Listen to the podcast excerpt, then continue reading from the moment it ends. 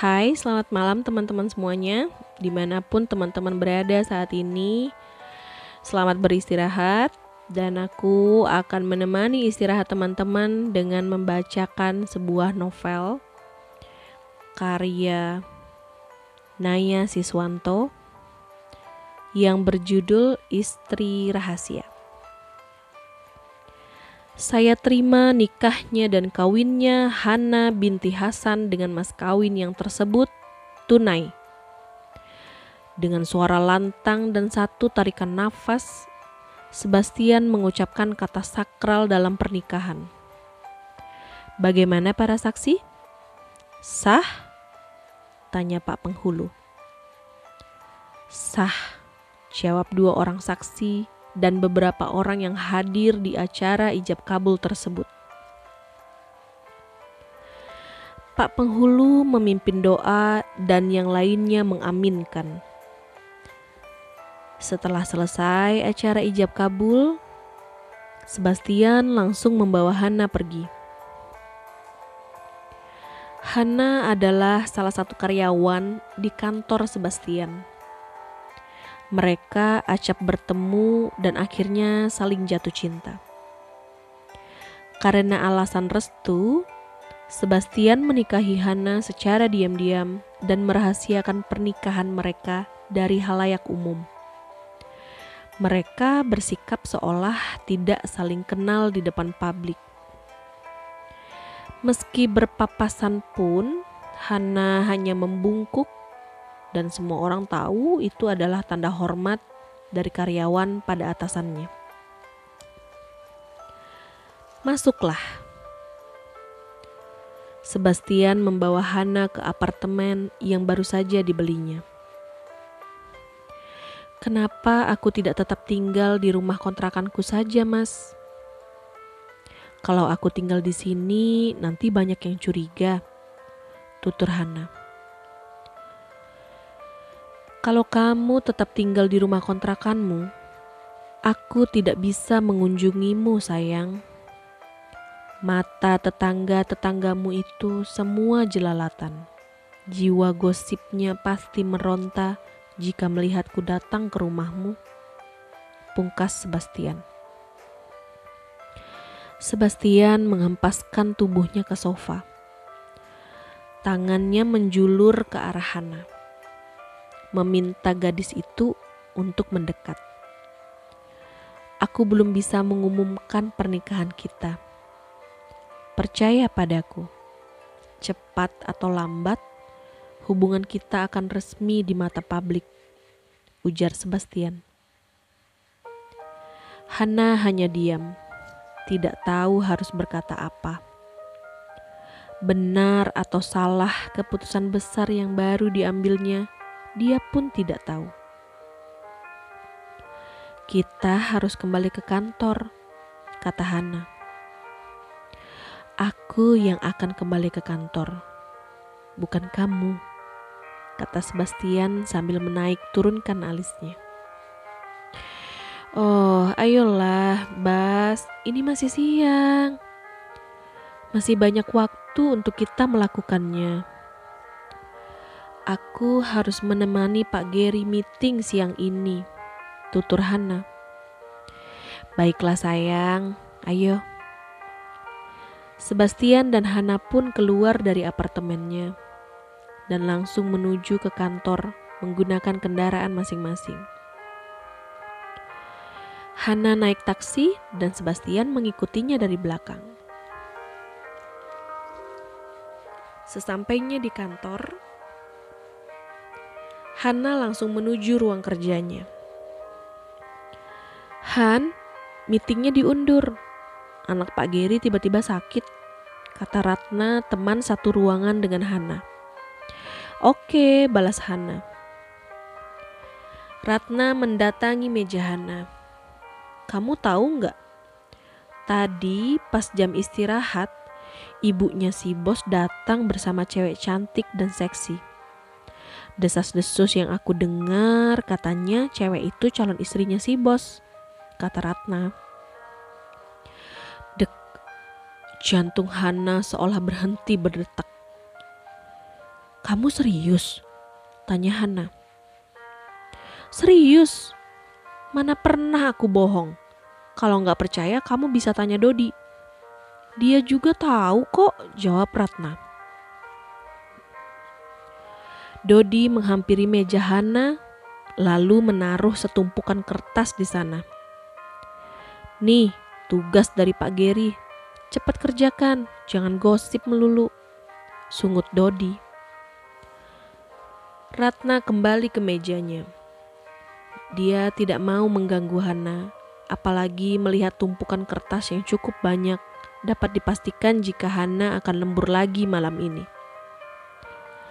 Tepat pukul 5 sore, para karyawan yang sudah menyelesaikan pekerjaannya pun pulang. Sedangkan Hana masih duduk di kursinya berhadapan dengan komputer dan setumpukan kertas. Ngerjain apaan sih Han? Butuh bantuan nggak? Tanya Ratna. Lihat sendiri tuh, tunjuk Hana ke layar komputernya. Dodi, sini bantuin. Kasihan Hana, kata Ratna pada Dodi. Kalau kalian mau pulang, udah pulang aja. Aku nggak apa-apa kok lembur. Udah biasa juga kan? Tolak Hana. Dia tidak mungkin merepotkan Ratna dan Dodi mereka berdua selalu membantunya saat kerjaan menumpuk. Udah, sini aku bantuin. Kebetulan aku nggak punya kegiatan kok, kata Dodi. Hana, Ratna, dan Dodi kembali memasang mode serius. Kalian belum pulang? Tiba-tiba suara Sebastian mengejutkan mereka bertiga. Hana langsung berdiri dengan kepala menunduk begitu juga Ratna dan Dodi. Mereka melakukan hal yang sama seperti yang dilakukan oleh Hana. Belum pak, jawab Hana. Kalian lembur? Tanya Sebastian lagi. I iya pak, jawab Hana gagap. Sebastian melihat ketiga karyawannya secara bergantian. Siapa yang bertanggung jawab atas tugas yang sedang kalian kerjakan? Tanyanya. Saya pak, jawab Hana. Kalian berdua? Tanyanya lagi. Kami hanya membantu meringankan pekerjaan Hana pak. Kasihan dia tiap malam harus lembur, jawab Dodi dengan jujur. Sebastian membulatkan matanya dengan sempurna. Dia baru tahu jika Hana sering lembur. Sebastian mengambil setumpukan kertas yang ada di meja Hana, kemudian membuangnya ke lantai. Berikan padaku tugas yang ada pada kalian, pinta Sebastian. Ratna dan Dodi memberikan beberapa helai kertas yang ada pada mereka ke Sebastian. Apa ini? Kalian diam saja saat Gary memberi kalian kerjaan sampah. Suara Sebastian terdengar meninggi. Kalian semua pulang, biar ini jadi urusan saya tegas Sebastian. Ratna dan Dodi buru-buru mengambil tas masing-masing lalu pergi dari sana. Sebastian mencondongkan tubuhnya dan menjadikan kedua tangannya yang bertumpu pada meja kerja Hana sebagai penopang, penopang tubuh. Gary sering melakukan ini padamu. Kenapa kamu tidak pernah mengatakannya padaku? Cecar Sebastian. Karena itu sudah tugasku, jawab Hana dengan kepala yang tetap menunduk. Tugas kamu bilang? Tugas apa? Bahkan semua tulisan yang ada di semua kertas itu sudah kadaluarsa. Itu adalah laporan kerja beberapa bulan yang lalu, sayang, kata Sebastian. Ayo pulang, ajak Sebastian. Hana mengemasi barang pribadi miliknya memasukkannya ke tas kecil, lalu mengikuti Sebastian keluar dari gedung itu. Hana berdiri di depan gedung, menunggu taksi online pesanannya datang. Hati-hati di jalan, kata Sebastian sambil melewati Hana tanpa menoleh sedikit pun ke arah gadis itu. Sebastian masuk ke mobilnya, lalu pergi. Mbak Hana lembur lagi, tanya Pak Satpam.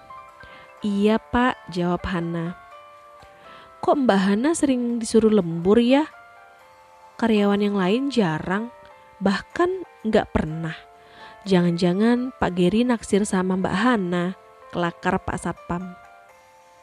Nggak mungkin lah Pak, Pak Geri kan sudah punya istri dan anak, ujar Hana. Pak Satpam mengerutkan keningnya.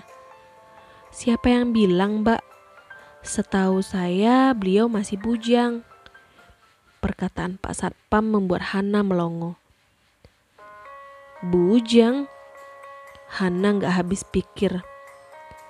Lalu alasan yang selama ini Pak Geri pakai ketika dia tidak datang ke kantor, anak siapa?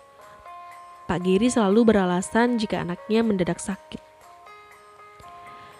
Taksi yang dipesan oleh Hana pun datang. Dia langsung masuk dan memberikan alamat ke supir taksinya. Pindah ya mbak? Tanya supir.